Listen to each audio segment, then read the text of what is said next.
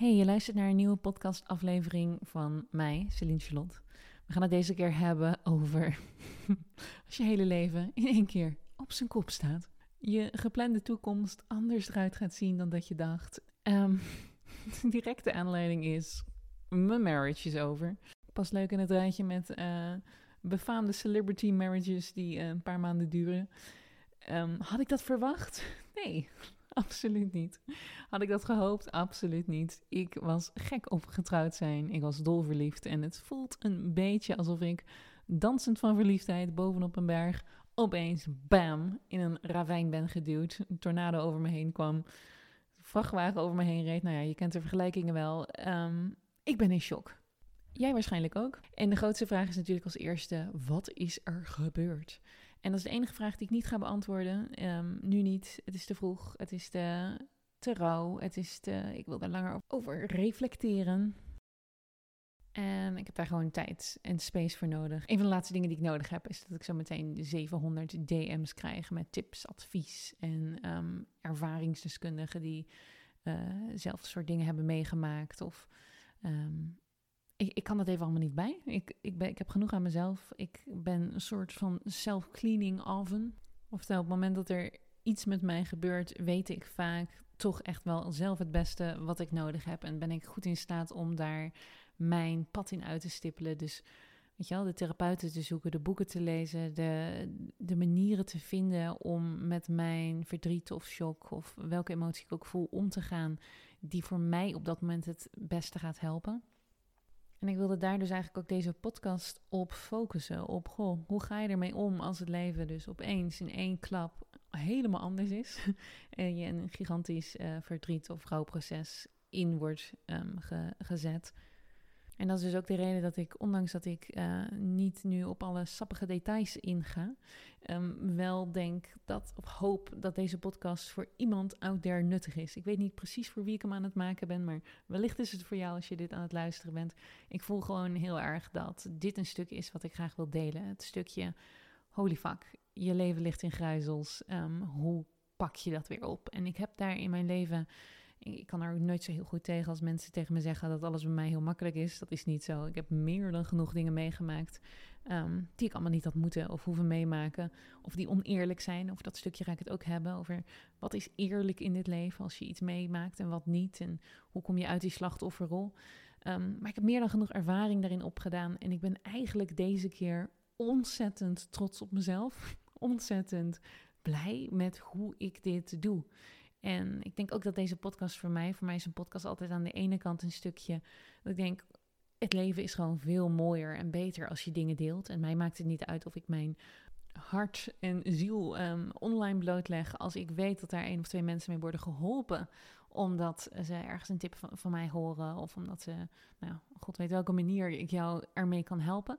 Dan maakt het eigenlijk voor mij mijn uh, mijn pad maakt het eigenlijk alweer wat meer waard, want dan is het gedeeld of iets dergelijks. Dus daar, um, dat is de reden dat ik nu dit, dit online ga gooien. En een andere reden voor mij om podcast te maken is altijd een stukje eigenlijk bijna archiveren of documenteren van mijzelf op een bepaald moment in mijn leven.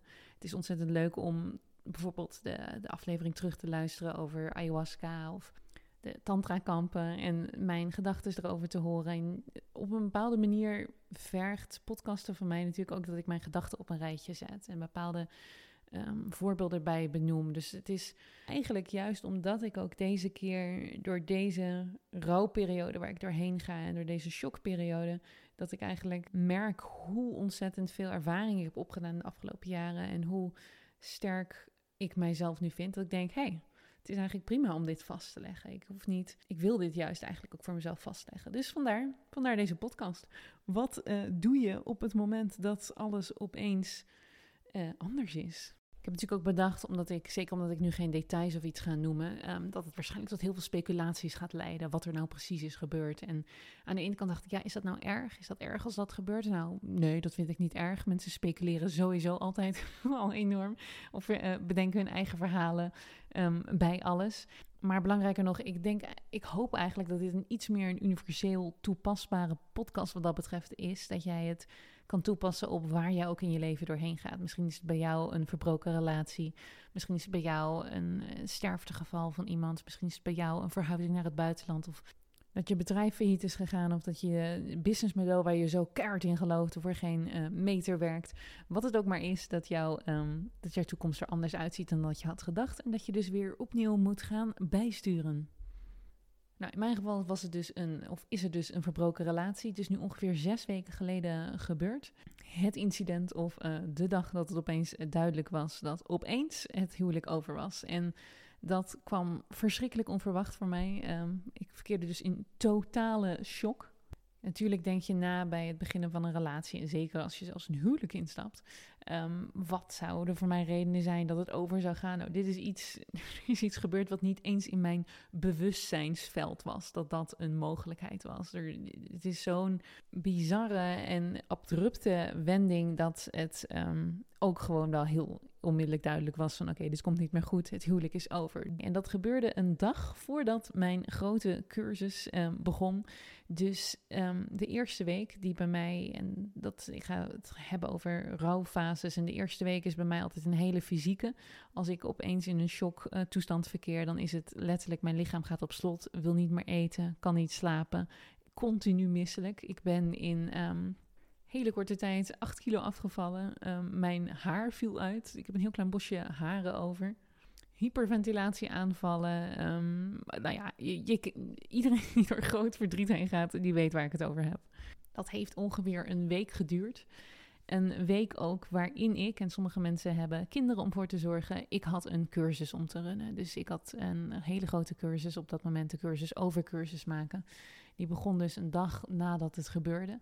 Dus ik zat om vijf uur s ochtends uh, zonder slaap, zat ik achter mijn camera klaar, waarin ik net uh, vlak van tevoren nog had um, gehyperventileerd. Camera aanzetten, de cursus leiden. Ik moest er zijn voor mijn cursisten.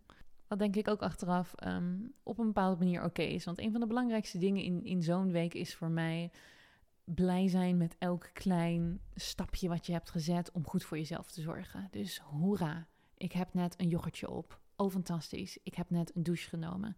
Oh, dit is geweldig. Ik heb een wandelingetje gemaakt. Ik heb een leger van gigantisch sterke vrouwen om mij heen. En onder andere Inger en Sandra en Lianne. Lianne heb ik ook letterlijk een van mijn allerbeste vriendinnetjes. Ik ben gek op, ik ben gek op al deze vrouwen. Maar um, die heb ik elke dag gebeld. En elke dag was er, heb je gegeten? Hoe heb je geslapen? Even inchecken, bel me eventjes. En ik moest ook heel veel regelen die eerste week. Dus dingen afzeggen, onder andere het droomhuis uh, waar ik zou, uh, wat ik zou gaan kopen. Het een, een, ander huis vinden, dingen in de storage zetten. En, uh, komt dat een hoop geregeld bij. Dus voor mij ook de eerste keer dat een relatie op zo'n manier overgaat. Wat ook een, ook een shock is. Ik ben het type wat graag aan conscious onkoppeling doet. Oftewel um, langzaam en goed erover praten. Bewust allebei besluiten. Oh, dit, dit lijkt niet meer te werken of dit gaat niet meer werken. Um, willen we hier, weet je wel, we gaan, eerst, we gaan eerst nog maandenlang in therapie. We gaan kijken wat we hier allemaal uit kunnen halen, et cetera, et cetera. En dat is bij deze relatie niet op deze manier um, kunnen gaan lopen. Dus het was ook daarin een, nieuwe ervaring en een uh, shock. En ik denk dat ik heel veel heb gehad aan eigenlijk al het werk wat ik heb gedaan in de tantra vooral. En heel veel rondom traumarespons. Dus op het moment dat jouw lichaam in een shock gaat, wat kan je dan allemaal doen om die shock eigenlijk uit je lichaam te halen? Dat je het niet dus allemaal gaat opslaan in je lichaam. Nou, nu ga ik ongetwijfeld dingen opslaan in mijn lichaam. Ik heb daar ook weer, moet er ook weer niet te krampachtig over worden. Ik was hier met een uh, kennisje aan het wandelen en die zei van ja, als je dan nu niet dit allemaal eruit haalt, dan ga je daar jarenlang last van hebben en trauma's van hebben. En dan kreeg ik opeens weer die angst. Oh, doe ik het wel goed met mijn traumaverwerking? Um, maar dingen als op kussens slaan, wat bij mij heel goed werkt, en het klinkt echt heel raar, maar toning, dat is eigenlijk, je klinkt letterlijk een beetje als een walvis. Er waren periodes, jongens, ik lag op de grond op mijn kleed als een walvis geluiden te maken. Een soort van toon die zeg maar dus uit je komt. En er zit hele filosofie achter en ik heb nog nooit een echte toningklas of iets gedaan. Maar gewoon de geluiden uit je laten komen van rouw eigenlijk. Um, dat luchtte bij mij telkens ontzettend op. Het werkt voor mij ook heel goed. En ik zei het al eerder, maar ik kan ontzettend snel de ik, ik, denk dat een van de belangrijkste dingen, een van de belangrijkste skills als mens in het leven, is om zo snel mogelijk de hulp erbij te zoeken die je nodig hebt. Dus ik had allemaal therapiesessies gepland. Dat zegt dan niet dat die therapiesessies allemaal met hele goede therapeuten zijn. Er was één therapeut die had een compleet andere methode van verwerking dan waar ik in deze ehm, podcast over wil gaan praten, die ik liever zie. En uh, dus na twee sessies zei ik met haar, weet je, dit werkt eigenlijk helemaal niet. Elke keer als ik met jou heb gepraat ben ik meer depressief dan, uh, dan blij. Dus dit wordt hem niet. Dus je probeert wat uit, maar dan probeer ik dus echt letterlijk bijna elke dag een therapiesessie gepland te hebben. Of een, of een sessie met een psychic, of een sessie in ieder geval met, met hoe zweverig. Uh, de ene keer was het een masseur, de andere keer een bodyworker, dan een therapeut, psycholoog alles allemaal op één grote hoop. Dat ik in ieder geval elke dag eventjes twee of drie uur met iemand zat over mezelf kon praten. De tranen eruit kon laten. Ik heb familieopstellingen gedaan. Um, en eigenlijk dus een heleboel handvatten kreeg in dat begin om ermee bezig te gaan. En dan in mijn eentje s'avonds thuis, weet je, inderdaad op kussens slaan, uh, uh, huilen, die walvisgeluiden maken. En iets wat ik deze periode voor het eerst opeens eindelijk goed kan, kleine doorbraak, is goed ademen. Ik heb heel veel moeite met breathwork. Ik doe het. Maar mijn lichaam springt op slot of ik durf niet verder of ik kan niet verder. Ik, ik, heb heel vaak niet die doorbraken die andere mensen hebben met breathwork. Omdat ik gewoon, ja, mijn lichaam, het, het lukt mijn lichaam niet om zich in die overgave te hebben. Heeft ongetwijfeld allemaal weer te maken met seksueel misbruik uit het verleden. Gaan we deze podcastaflevering niet over hebben. Maar ik weet dat ik daar altijd moeite mee heb. En deze keer heb ik, had ik een, ik had een vrij zware steen of kristal, hoe noem je dat? Zo'n zo'n ding, nou ja, een steen, laten we dat zo noemen.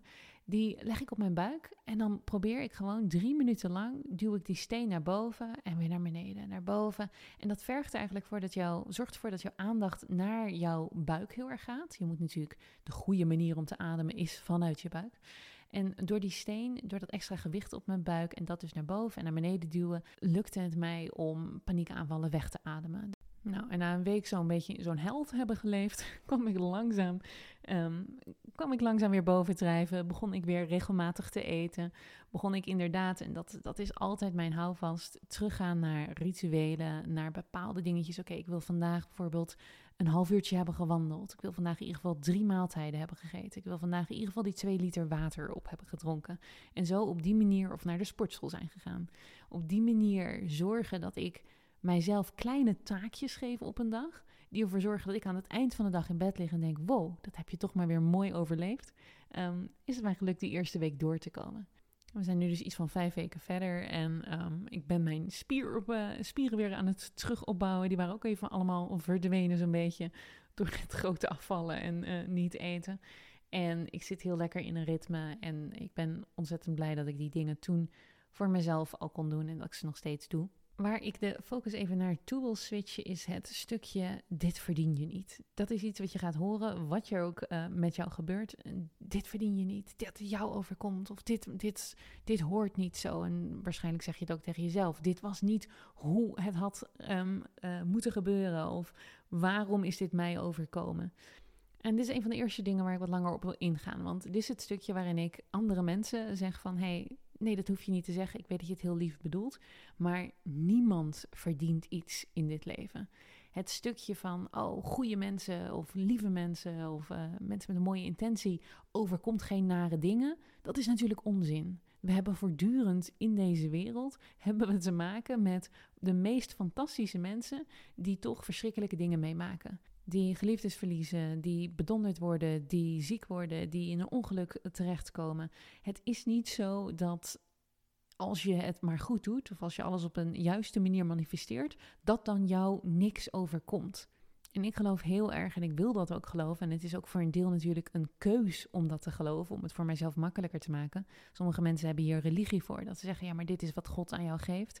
Ik geloof er in zoverre ook in dat het universum, hoe ik dat dan maar vaak noem, um, inderdaad jouw dingen op jouw pad geeft die ervoor gaan zorgen om je sterker te maken. Vlak voordat ik deze podcast startte, zag ik nog een van die populaire Instagram reels dingen met van oké, ik vroeg om sterker te worden en God gaf mij problemen om op te lossen.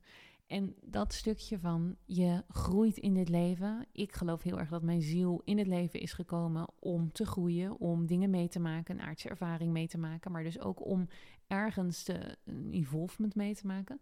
En dat ik nou eenmaal dingen meemaak in het leven die inderdaad niet tussen aanhalingstekens verdiend zijn per se. Die niet per se op mijn pad zouden moeten komen. Of die super kloten zijn. Of die super zwaar zijn om overheen te komen. En nogmaals, ik heb het nu niet alleen maar over de gebeurtenis. Ik trek de podcast breder.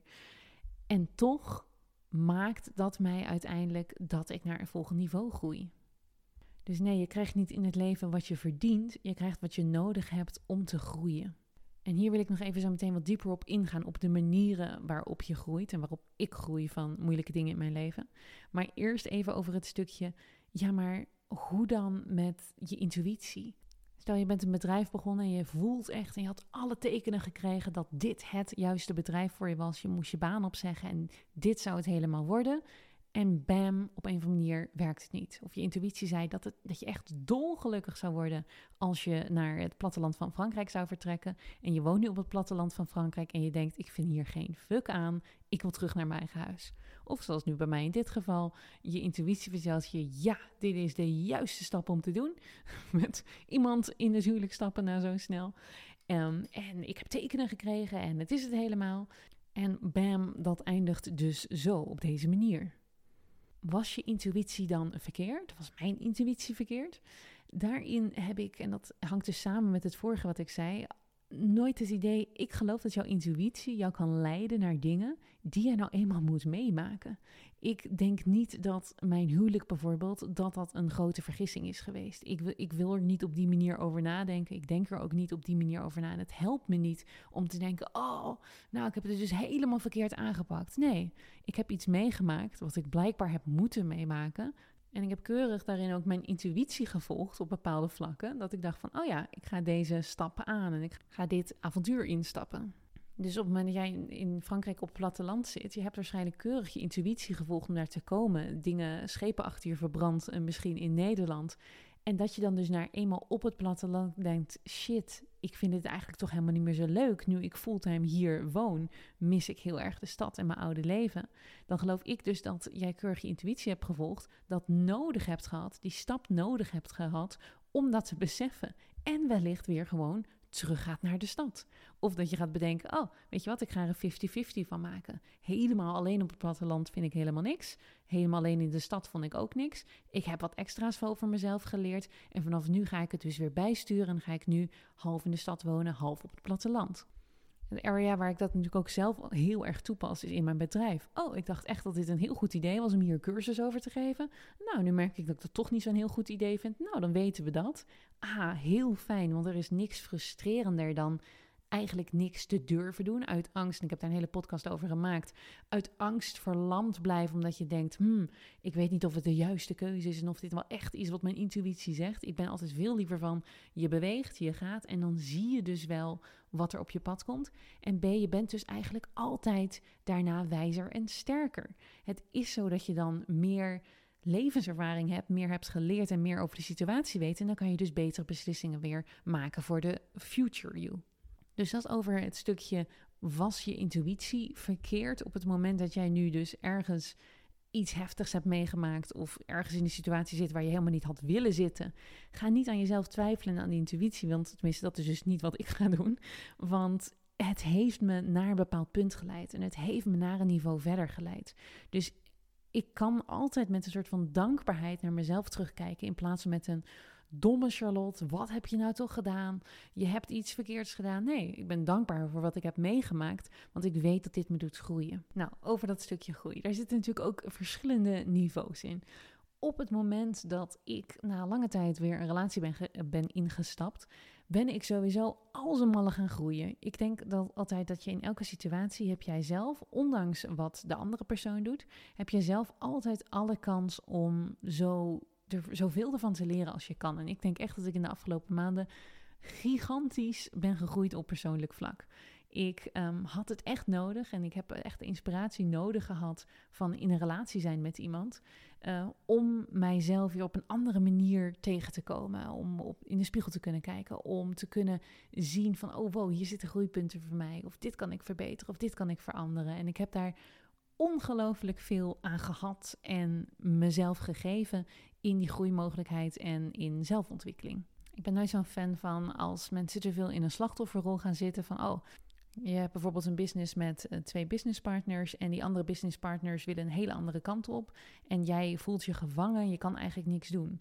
Nou, dat stukje, ik voel me gevangen en ik kan helemaal niks doen. Wat kan je daarvan leren? Waar kan jij leren om bijvoorbeeld beter voor jezelf op te komen? Of je eigen projectjes te gaan leiden? Of er zijn altijd dingen waarin jij kan groeien, ook al lijkt het dat de mensen om je heen met wie jij in een ofwel een businessrelatie zit of een andere relatie niet willen groeien. Jij kan altijd kijken naar de stukken die bij jou aangezet mogen worden. Of wat dit met jou doet. En waar jij dus misschien ofwel boundaries moet zetten. Ofwel meer initiatief moet gaan tonen. Oftewel dingen anders gaan aanpakken in plaats van wegkruipen in het. Ja, maar zij doen niks, dus ik kan ook niet. Ik zit in een dysfunctioneel iets. En helaas, ik kan hier niks van groeien. Je kan altijd groeien. En een tweede manier van groeien, ik ben daar nog niet om nu op die manier al heel erg op terug te kunnen kijken. Daarvoor is het allemaal nog te vers. Maar je gaat natuurlijk ook over de jaren heen, ga je terugkijken en ga je zien, oh, dit was de reden dat ik dat had moeten meemaken. Ehm, ik heb bijvoorbeeld in mijn afgelopen relatie heel veel met terugwerkende kracht lessen geleerd nog over mijn eerste relatie. Die eerste relatie was vijf jaar um, met, uh, nou, was gewoon in Nederland, een vijfjarige relatie, waarin ik veel kinderachtiger bijna. Of veel, ja, veel meer als een, als een kind in die relatie zat. En veel meer mij liet sturen door emoties. En mij liet sturen door needs, hoe noem je dat? Uh, behoeftes in mijzelf die ik als kind niet vervuld kreeg. En die ik dan nu in mijn relatie probeerde te halen. En dat doen we allemaal tot op, op een zeker niveau. Ehm, maar ik ben daar nu bijvoorbeeld in mijn afgelopen relatie heel erg bewust mee bezig geweest. En bewust van geweest. En dan nu in, um, in tegenstelling dat ik dus dat zag dat ook bij mijn eerste relatie dat helemaal niet zo deed. Dus de tweede level van groei gaat vaak, dat kan pas jaren later, kunnen er soms kwartjes vallen dat je denkt, oh wacht. En ik zit nu bijvoorbeeld in zo'nzelfde soort situatie en ik zie nu hoe ik gegroeid ben. Tenminste, dat was dus wat bij mij in de afgelopen relatie um, gebeurde. Dat ik dacht van wauw, ik ben hier echt in gegroeid. Ik zie dat ik nu dingen anders aanpak. En ik heb die eerste relatie nodig gehad om te snappen: hé, hey, dat werkt niet goed als ik op die manier aan een partner ga hangen. Of als ik dat allemaal van een partner verwacht. En um, dat heb ik dus nodig gehad om dan nu in deze relatie op een andere manier mij, uh, ja, mij te verhouden tot een partner. Ik heb een waanzinnig uh, goed boek gelezen. Coming Apart heet het. Um, en er zijn een aantal boeken met die titel. Wacht even, ik zal heel snel de, de auteur opzoeken. Um, dat is van Daphne Rose Kingma. Coming Apart, How to Heal Your Broken Heart. En uh, het voorwoord is geschreven door Catherine Woodward. Nou, daar hebben jullie me heel vaak over gehoord. Ik ben ook groot fan van haar. Zij heeft het boek geschreven Conscious Uncoupling. Um, maar dit boek, Coming Apart, gaat eigenlijk over, en het is zo interessant, ik heb het als luisterboek geluisterd, dat heb ik bijna niet gedaan, maar ik kon de eerste week niet echt goed lezen, dus ik heb het geluisterd op repeat, over het stukje waarin je in een relatie elkaar wat de reden is van relaties. En haar hele punt was ook van een relatie. Weet je, het is zo'n mythe dat dat vaak voor de rest van je leven is. Dat is nou eenmaal niet zo. Dat weet ik natuurlijk ook. En alsnog vind ik dat een mooi idee. Tegelijkertijd is het nou eenmaal zo dat wij relaties aangaan en die vaak niet ons hele leven duren. En zij beschrijft dan heel mooi over hoe wij uh, development stages in die relatie eigenlijk tot een einde brengen. Dus bijvoorbeeld als jij als kind eh, altijd het middelste kind was of het jongste kind. Nou, laten we even een voorbeeld nemen. Je was altijd het jongste kind en jij hebt, er wordt altijd voor jou gezorgd. En je hebt eigenlijk nooit geleerd om op eigen benen te staan, want je had altijd twaalf oudere broers en zussen die dat deden. Je bent heel erg verwend. Dan kan het zijn dat jij dan een relatie aangaat waarin jij gaat leren dat stukje eigenlijk te krijgen wat je in jouw jeugd niet hebt gehad, namelijk ik moet voor mijzelf kunnen zorgen. Ik hoef niet afhankelijk te zijn van de zorg die andere mensen mij geven. En dan ga je dus een relatie aan met iemand waar je dat stukje eigenlijk specifiek komt leren. Het kan zijn dat je dus een partner gaat vinden die, um, die jou helemaal gaat ontzorgen, waardoor je dus eigenlijk weer herhaalt wat je in je jeugd hebt gedaan. Dus die partner die, die kookt voor je, die doet alles voor je, waardoor jij eigenlijk weer datzelfde gevoel hebt van jou als kind. En dat is waarschijnlijk een lange tijd comfortabel, tot er op een moment een tijd komt waarin jij voelt: oh man, ik wil zelfstandiger zijn, ik wil eigenlijk een baan hebben. En op het moment dat jij dan dus een baan gaat vinden, voor jezelf gaat zorgen, niet langer meer afhankelijk bent van die partner, verandert jullie hele relatie, waardoor wellicht jullie een break-up hebben. Maar wat jij dan dus hebt gedaan, is een fantastische cyclus doorgemaakt. Dat jij dus eindelijk zo ver bent opgegroeid dat je denkt van oké, nu kan ik dit stukje zelf schaf onder andere in het boek, en zij legt het allemaal natuurlijk veel beter uit dan dat ik het nu een beetje halfslachtig zit na te vertellen. Maar ze legt onder andere ook uit dat bijvoorbeeld als jij ehm, eh, een jong koppel wat dan bij elkaar komt, dan zijn ze samen heel hard aan het sparen en aan het werken om zo meteen hun droomhuis te kunnen kopen en uh, daar te gaan wonen. En dan eigenlijk, zeg maar, een jaar nadat het droomhuis is gekocht, gaan ze uit elkaar. En dan de binding die zij hadden, was heel erg het stukje samen hard werken voor een doel. En allebei hadden ze hun eigen development stages die ze daarin doormaakten en de dingen die ze moesten leren of afmaken en van elkaar konden leren. En op het moment dat dus een, een heel grote gemene deler, het was niet meer nodig om samen zo hard te werken voor dat grote doel, wegviel, was eigenlijk ook het doel van de relatie weg. Nou, ik vind het een supergoed boek, dus ehm, eh, je, kan het, uh, je kan het lezen. Ik ben natuurlijk sowieso een enorme lezer, dus ik uh, heb denk ik alweer 50 boeken achter de rug afgelopen weken. want lezen geeft mij altijd heel veel nieuwe inzichten, steun en hulp. En ik denk ook dat dat voor mij altijd een hele belangrijke pijler is als ik ergens doorheen ga wat, wat moeilijk is.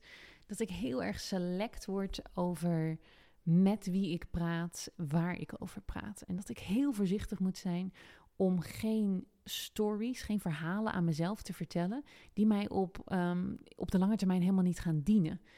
Laten we zeggen, en dat is niet bij ons het geval geweest, laten we zeggen dat jij um, in een relatie hebt gezeten en die persoon is vreemd gegaan. Je kan dan continu blijven um, herhalen met andere vriendinnetjes of met vrouwen ergens um, die dat allemaal ook hebben meegemaakt, dat alle mannen onbetrouwbaar zijn en iedereen gaat vreemd. Maar wat voor soort verhalen ben je jezelf dan aan het vertellen? En heeft dat voor jou in de toekomst zin? Dus ik bedenk altijd heel goed, oké, wie zijn hier experts over? Wie zijn hier ontzettend goed in? Die zullen boeken hebben geschreven, die hebben podcasts erover um, gemaakt. Ik wil mijn hoofd vullen met de gedachten van mensen die hier heel erg bedreven in zijn. En niet mensen die misschien zelf in een emotioneel zwaar stuk zitten, die vooral willen venten. Hoe noem je dat in het Nederlands? Um, uitlaatklep zoeken. Ze willen, willen praten, uh, ja, hun verhaal eruit gooien, zonder dat daar daadwerkelijk eigenlijk een soort van hulp in kan zitten. Dus ik ben behoedzaam en dat heeft er dus ook alles mee te maken dat ik tegen jullie uh, geen details hier vertel. Omdat ik eerst mijzelf in een soort van schil wil stoppen of een schil om me heen wil maken met van, hey, wat zijn de verhalen die mij gaan dienen hierover en welke verhalen niet? Je hebt daar zelf de keuze in. En je hebt zelf ook de keus om bijvoorbeeld met vriendinnen vooral te praten, waarvan je denkt: Oh, als ik met hen heb gepraat, voel ik mij uplifted en voel ik mij fijn en voel ik me zelfverzekerd en optimistisch. En als ik bijvoorbeeld met mijn moeder heb gepraat, of als ik met mijn zus heb gepraat, of met de ene, met de ene andere vriendin, dan niet. Dus ga kijken wie helpt jou in deze situatie. Met welke gesprekken zijn uplifting en wat is de toon en intonatie van die gesprekken en waar heb je behoefte aan? En nu denk ik bijvoorbeeld dat venten en huilen. En het hoeft allemaal helemaal niet van mij dat ik zeg, nou, alles moet nu gericht zijn op dat ik alleen maar kijk hoe ben ik hiervan gegroeid. En er moet absoluut, en er is ook absoluut ruimte om dus te schreeuwen, te huilen, te venten, te, weet je wel, dat, dat doe ik allemaal. Maar ik zorg er wel voor dat ik tegelijkertijd heel erg gevoed word door hoe ik over situaties wil denken. En ik zet boundaries. Dus ik heb in deze podcast ook alweer de boundary gezet. Ik zeg van, hé, hey, voordat je zo meteen met allemaal ervaringsverhalen komt, komt aanzetten... en ik verhinder het natuurlijk ook er geen details te geven... maar daar zit ik niet op te wachten. Doe dat niet. En de therapeut die ik in eerste instantie uh, onder andere had, die zat heel erg op het stukje. Oh, we gaan nu helemaal goed nadenken hoe dit nou precies uh, in, in zijn hoofd kan zijn gegaan. En ik zei: Ja, weet je, dat is gewoon niet wat, wat ik nodig heb. Het gaat om mij. Ik wil ik wil niet urenlang zitten herkauwen en raden en, en, en dingen denken. Laten we gewoon focussen op: hey, wat neem ik mee? Wat heb ik geleerd? Waar heb ik dingen genegeerd die ik misschien de volgende keer niet moet negeren? En ook, en, en dat helpt mij gewoon gigantisch. Wat zijn de geweldig mooie dingen geweest? Wat Weet je wel, en daar gaat het ook over het stukje gevoel. Ik heb al vrij snel een enorme lange lijst gemaakt met alle mooie, leuke en fantastische dingen die ik de afgelopen maanden heb beleefd en meegemaakt. En gevoelens die ik had. En het enorme, overweldigende gevoel van vreugde en verliefdheid en, en, en al die dingen. En dat kan, hoe een situatie ook uiteindelijk afloopt, die momenten wil ik niet van mij laten afpakken. Dat is mijn gevoel geweest. En daar is het opnieuw. En het leven hangt, hangt eigenlijk helemaal bij elkaar over het verhaal wat je jezelf altijd maar aan het vertellen bent. Welk verhaal ga ik nu aan mezelf vertellen? Dat dit dus één grote failure is geweest? Of hey, wauw, dat was kort. dat was niet zoals ik het had gehoopt of verwacht. De shock is real, het trauma is real, de, de dingen zijn, weet je wel, er, er, dus het is heftig en tegelijkertijd, ik kan nu skiën. Ik heb opeens een, een liefde gekregen voor veel meer atletische dingen. Ik heb meegemaakt over hoe ongelooflijk veel liefde ik te geven heb. En hoe ontzettend leuk ik dat vind om te geven. Het was voor mij ook lange tijd dat ik niet in een relatie heb gezeten. En ik dacht weer, yo, dit is zo ontzettend leuk om het leven te delen. Ik kan helemaal met een roze bril van verliefdheid um, het leven bekijken en er doorheen uh, huppelen. Dus, dus dat eerlijke kijken naar het hele plaatje in plaats van alleen maar een, je, je te focussen op het nare gedeelte. Dat maakt het voor mij ook altijd eerlijker, beter en, en volwaardiger en ook makkelijker om dus weer verder te gaan. Ik vind bijvoorbeeld, was het de eerste keer dat ik ben getrouwd. um, ik vond marriage en getrouwd zijn, het idee ervan, het concept ervan. Ik had natuurlijk, tot ik ben getrouwd, had ik daar geen idee van wat dat nou precies inhield. Ik vond dat geweldig. Letterlijk de avond van dat wij waren getrouwd, dacht ik: Oh, dit is fantastisch. Ik ga ontzettend goed op commitment. Ik ga ontzettend goed op monogamie. Ik ga ontzettend goed op het idee van: Oh, we gaan nu samen een pad oplopen. En dan ga je zeg maar van elkaar leren, no matter what, door dik en dun. Nou, dat kan dus dat kan dus verbroken worden. Uh, dat had ik natuurlijk ook wel door dat dat kon. Um, maar het idee, het commitment erachter. En dan ook nog natuurlijk in zo'n witte jurk een beetje, een beetje ronddansen. Jezelf iemands vrouw noemen. Die hele trouwring. Het hele stuk van we zijn getrouwd. Het is een soort van het diepste commitment wat je kan maken. Dat was helemaal mijn ding.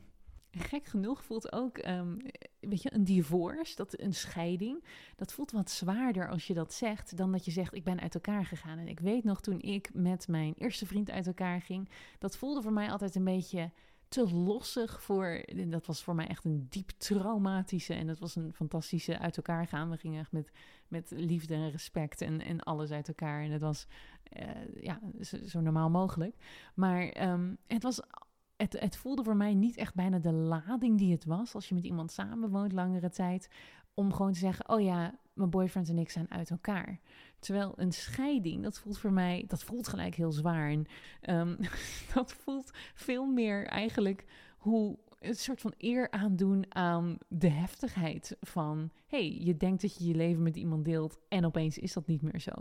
Dus ik ben ook absoluut niet cynisch over, over trouwen of zo. En ik weiger dat ook echt te worden. Het lijkt me heerlijk om nog een keer te trouwen. Op zich vind ik het hele stukje van, oh, je gaat nu echt een commitment met iemand aan en langere tijd denk je in ieder geval met deze persoon te gaan zijn, dan zou ik alsnog willen trouwen. Ook al zou ik weten, nou, misschien heb ik wel vijf huwelijken in mijn leven. Ik vond het idee van getrouwd zijn, iemands vrouw zijn, iemand je husband kunnen noemen, ja, dat was helemaal mijn ding. Het zal weer controversieel zijn, want eigenlijk als je trouwt is het natuurlijk voor het leven. Maar dat vind ik sowieso, en dat vond ik ook al wel, dat is natuurlijk naïef. De kans is natuurlijk gewoon veel groter dat je uit elkaar gaat. Dat, mijn huwelijk zo kort zou duren, daar had ik geen idee van. Nou, hoe is het met me? Um, het gaat eigenlijk heel goed. Ik ben natuurlijk. Ik, er zal een stukje zijn van mij wat nog steeds een klein beetje in shock is. Um, je kent het wel dat je soms ook wakker wordt en dan tast je naast je, omdat je dan gewoon nog denkt dat je in een relatie zit. En denk je, oh ja, het bed is leeg. Uh, er zijn dagen dat het even wat minder gaat. Dat ik, dingen, dat ik even in die slachtofferrol zit van, oh, het voelt oneerlijk. En dan denk ik weer, er is niks oneerlijks. Het hele leven is oneerlijk als je er zo op die manier naar gaat kijken. Dus dit is een niet helpzaam... Uh, niet helpzame bril die je opzet. Dus hoe kan je hier weer anders naar kijken? En dan ga ik weer terug naar de dankbaarheid.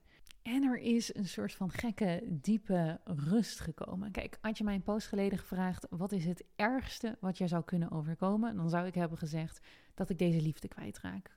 Dat ik, ehm, nou ja, dan zou dit het erg, letterlijk waar ik nu doorheen ga, zou het ergste zijn wat ik mij zou kunnen voorstellen, wat er zou kunnen gebeuren. Wat natuurlijk ook een klein beetje oppervlakkig is. Want als ik er nog beter over nadenk, dan is eigenlijk mijn gezondheid het allerbelangrijkste dan uh, een liefde. Dus er zitten altijd gradaties in. Maar ik leef nog. En dat stukje, ik leef, het gaat eigenlijk goed. Ik lach. Ik heb een hond, daar zal ik zo meteen meer over vertellen. Ik heb een, um, ik, heb, ik ben nieuwe vrienden aan het maken. Ik doe natuurlijk alle cliché dingen die ze zeggen dat je moet doen. En het werkt natuurlijk als een malle. Dus ik sport veel, ik beweeg veel, ik eet gezond, ik maak nieuwe vrienden, ik zoek nieuwe hobby's. Ik ben bezig Sedona aan het terugclaimen. Oftewel naar alle restaurantjes aan het gaan waar we altijd met z'n tweeën kwamen. Waar ik dan nu in mijn eentje kom of met vrienden kom. Dus ik ben aan het zorgen dat ik gewoon eigenlijk een heel nieuw leven weer opbouw. Losgerukt uit het leven wat ik dacht te hebben. En mijzelf eigenlijk zo gade te slaan, te zien hoe ik dat doe en hoe het gaat, kan ik dus nu ook weer zeggen, en daar zit het stukje waar ik het eerder over had van groeien. Ik heb nog meer tijd daarvoor nodig natuurlijk, maar dat ik denk, holy fuck, wat een gigantisch verschil met toen jij de eerste keer um, een relatie hebt verbroken. En ik heb natuurlijk niet zo ontzettend veel relaties gehad. In die eerste relatie, ik was kapot. Zes jaar lang heb ik daar een soort van om getreurd. en dat was zo moeilijk voor mij om los te laten en te accepteren. En nu, en dat ligt natuurlijk ook een beetje op de manier waarop dit is gebeurd. Ja, ja, ik weet dat jullie zijn allemaal heel nieuwsgierig, maar goed. Um, dat het voor mij makkelijker is. Dat ik, dat ik Weet je wel, het is niet langzaam uit elkaar gegroeid of er waren steeds meer ruzies of iets dergelijks. Het is bam, klaar. Het maakt het op een bepaalde manier makkelijker, want je kan niet meer terug. Opnieuw zo'n Instagram reel die ik voorbij zag komen over een, uh, met zo'n tekst. Ik zal hem waarschijnlijk ook gaan plaatsen wel een keertje. Zo, van, oké, iets in de trant van, oké, I use goodbye. Ik sla een nieuw, iets nieuwe weg in of een nieuw pad in. Want dit fucked up gaat niet mijn story zijn. En als er um, op zo'n manier erin staan, is natuurlijk ook een hele krachtige manier om te weten: oh ja, het, is ook niet makkelijk om terug te gaan. Of er is niet, weet je er, er, is letterlijk geen weg terug. Er is geen, geen haar op mijn hoofd die daar ook maar aan denkt. Of in de verleiding komt of zit te denken: oh, maar misschien als ik dan dit of dat doe en dan gaat. Nee, dat, dat is niet bij deze situatie aan de hand. Dus um, dat maakt het ook makkelijker, denk ik. Maar ik wil ook niet mijn eigen eigen proces en mijn eigen mindset en mijn eigen, noem je dat, weerbaarheid en kracht hierin tekort doen. Ik denk echt dat als ik terugkijk op hoe ik dit nu handel en hoe ik de afgelopen, wat zal het zijn, tien jaar gigantisch ben gegroeid en gigantisch veel in mezelf heb geïnvesteerd, dat dit dus dan het resultaat is. En daar word ik ook zo ontzettend gelukkig van. Dat ik denk, oh ja, je wordt dus inderdaad krachtig en weerbaar. Het, het er zit een enorme oerkracht in mij die ervoor zorgt dat ik nu inderdaad gewoon kan lachen, plezier kan hebben, met Bella kan spelen, uh, vriendinnen maken. Dit was mij tien jaar geleden nooit op deze manier gelukt. En dan ben ik gewoon rete dankbaar voor al het werk wat ik in mezelf heb gestoken. En ik probeer, dat is nog een beetje moeilijk soms, maar ik probeer toch ook weer voor dit diepere level van empathie dat gebeurt op het moment dat jij iets ergs meemaakt unlock je eigenlijk een level van empathie wat je daarvoor nog niet hebt gehad.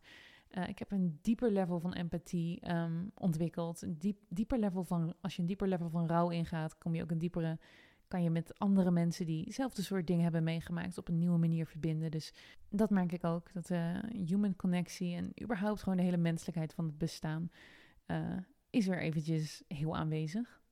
Voor nu merk ik eigenlijk vooral dat het heel goed gaat, omdat ik weer goede of, plannen wil gaan maken. Ik heb zin om de toekomst uh, weer te bedenken. Een van de dingen die ik graag doe, en ik heb hier natuurlijk ook een hele cursus over gemaakt, over doelen stellen, maar het helpt mij ontzettend goed om aan de ene kant dus te reflecteren en dan vervolgens nieuwe doelen te zetten. Dus wat ik nu heb gedaan, de manier waarop ik het nu heb gedaan, er zijn verschillende methodes voor. En deze keer heb ik ervoor gekozen om op een A4'tje heb ik letterlijk een paar onderwerpen gepakt. Dus laten we zeggen Bella, de hond. Um, heb ik gezegd, wat wil ik dat Bella over drie maanden doet en kan? En dan schrijf ik daar een verhaaltje op over Bella over drie maanden. Nou, ze eet dit en dat. Ze doet per dag twee uur hiken. Ze is hartstikke lief tegen vreemde mensen. Ze blaft niet. Ze doet... Dus dan schrijf ik het op alsof het al is gemanifesteerd. En zo heb ik dat met een aantal thema's in mijn leven. Ehm, en op het moment dat ik zulke dingen weer aan het schrijven ben en aan het doen ben, dan zit ik bij het haardvuur, of dan heb ik een theetje voor mezelf gezet en zit ik daar rustig achter mijn laptop dat te doen, weet ik, oké, het gaat de goede kant op. We zijn weer bezig met plannen maken, met manifesteren, met doelen zetten. Ehm, het komt helemaal goed met jou ik deel eigenlijk nooit heel erg veel over hoe ik uh, de toekomst zie. Want dat uh, verandert ook heel erg snel bij mij. Nou, we zien nog maar hoe snel dat kan veranderen. Um, maar ik ben in ieder geval wel van plan in Amerika te blijven. Um, zoals ik al eerder zei, er zijn meerdere routes, echt heel veel routes als uh, ondernemer om in Amerika te kunnen zijn. Dus ik verwacht daar niet veel problemen mee. Er zijn dagen dat ik even helemaal me verlies of me niet zo lekker voel. Er zijn dagen dat ik drie dagen lang um, nergens aan denk en alleen maar op de toekomst gefocust ben. Dus ik denk dat het goed gaat. Ik, ik word bijna 35. Ik heb nog 50 jaar zo'n beetje over. De toekomst ligt nog wijd voor me open. Wat een klein beetje irritant is. Ik vond dat commitment en het idee dat ik de toekomst niet meer zo wijd open lag eigenlijk wel even heel lekker. Maar goed, het is natuurlijk ook bullshit om um, zulke verwachtingen van het leven te hebben. Want het leven is heel veranderlijk. Eén knip in de vingers, één seconde kan je hele leven veranderen. En als er ergens een hele fijne skill is om te leren in het leven, is het flexibiliteit en meebewegen en acceptatie. En kijken hoe je het beste uit de situatie haalt. Dus dat, um, daar ben ik mee aan het oefenen. En de eerste stap is daar vooral in commitment aan mezelf, rituelen um, maken, bepaalde dingen doen die mij op een dag gelukkig maken. Zodat ik aan het eind van de dag, als ik in bed lig, denk: Oeh, dat was een goede dag. En dat kan echt letterlijk zo simpel zijn als mooi. Ik heb vandaag vijf minuten gestretched en dus mijn water gedronken en naar de sportschool geweest. En lekker gezellig met een vriendinnetje gekletst. En het kan zijn: Oh, ik heb een nieuw business idee opgezet en ik heb vijf goede connecties gelegd. Of ik heb zoveel 1000 euro ergens in geïnvesteerd en ik ben op die manier lekker bezig. Voor mij is nu vooral, denk ik, mijn grootste en dankbaarste les dat dit dus allemaal kan. Dat ik dus inderdaad s'avonds tevreden in bed kan liggen. Ook al is er al zo'n soort van tornado door mijn leven geraast, alles op zijn kop gezet. Ik kan terugvallen op mijzelf. Je krijgt in het leven niks wat je niet aan kan, geloof ik altijd maar. Dus dit kan ik aan. dit gaan we door. En ik ga over een aantal maanden of jaren of misschien decades uh, wel zien um, welke fantastische dingen dit allemaal eigenlijk uiteindelijk in beweging heeft gezet. Want als er iets, als ik iets wil geloven, is dat dat dus sowieso de, hoe noem je dat, de natuurwet is. Dat alles wat je, alles wat je meemaakt is uiteindelijk voor een hoger doel. Alright, dit was de podcastaflevering. Ik hoop dat je er wat aan hebt gehad. Je mag met liefde iets, iets lief sturen, dat vind ik helemaal niet erg. Sommige mensen zijn nu altijd heel bang om mij iets te sturen, omdat ik af en toe laat weten dat ik zoveel DM's krijg. Het zijn meer eigenlijk de DM's met de tips die ik soms lastig vind. De, en nu heb ik heel veel lieve tips rondom Bella gekregen. Dus die vond ik dan eigenlijk wel weer, wel weer nuttig. Maar um, het gissen, de vragen, toch willen weten wat er nou precies is gebeurd. Je eigen verhalen hierover kwijt, dat lijkt me allemaal een beetje too much. Um, dus hou, ja, hou dat even voor je. maar um, de, de rest hartstikke lief. Alright, doei doei.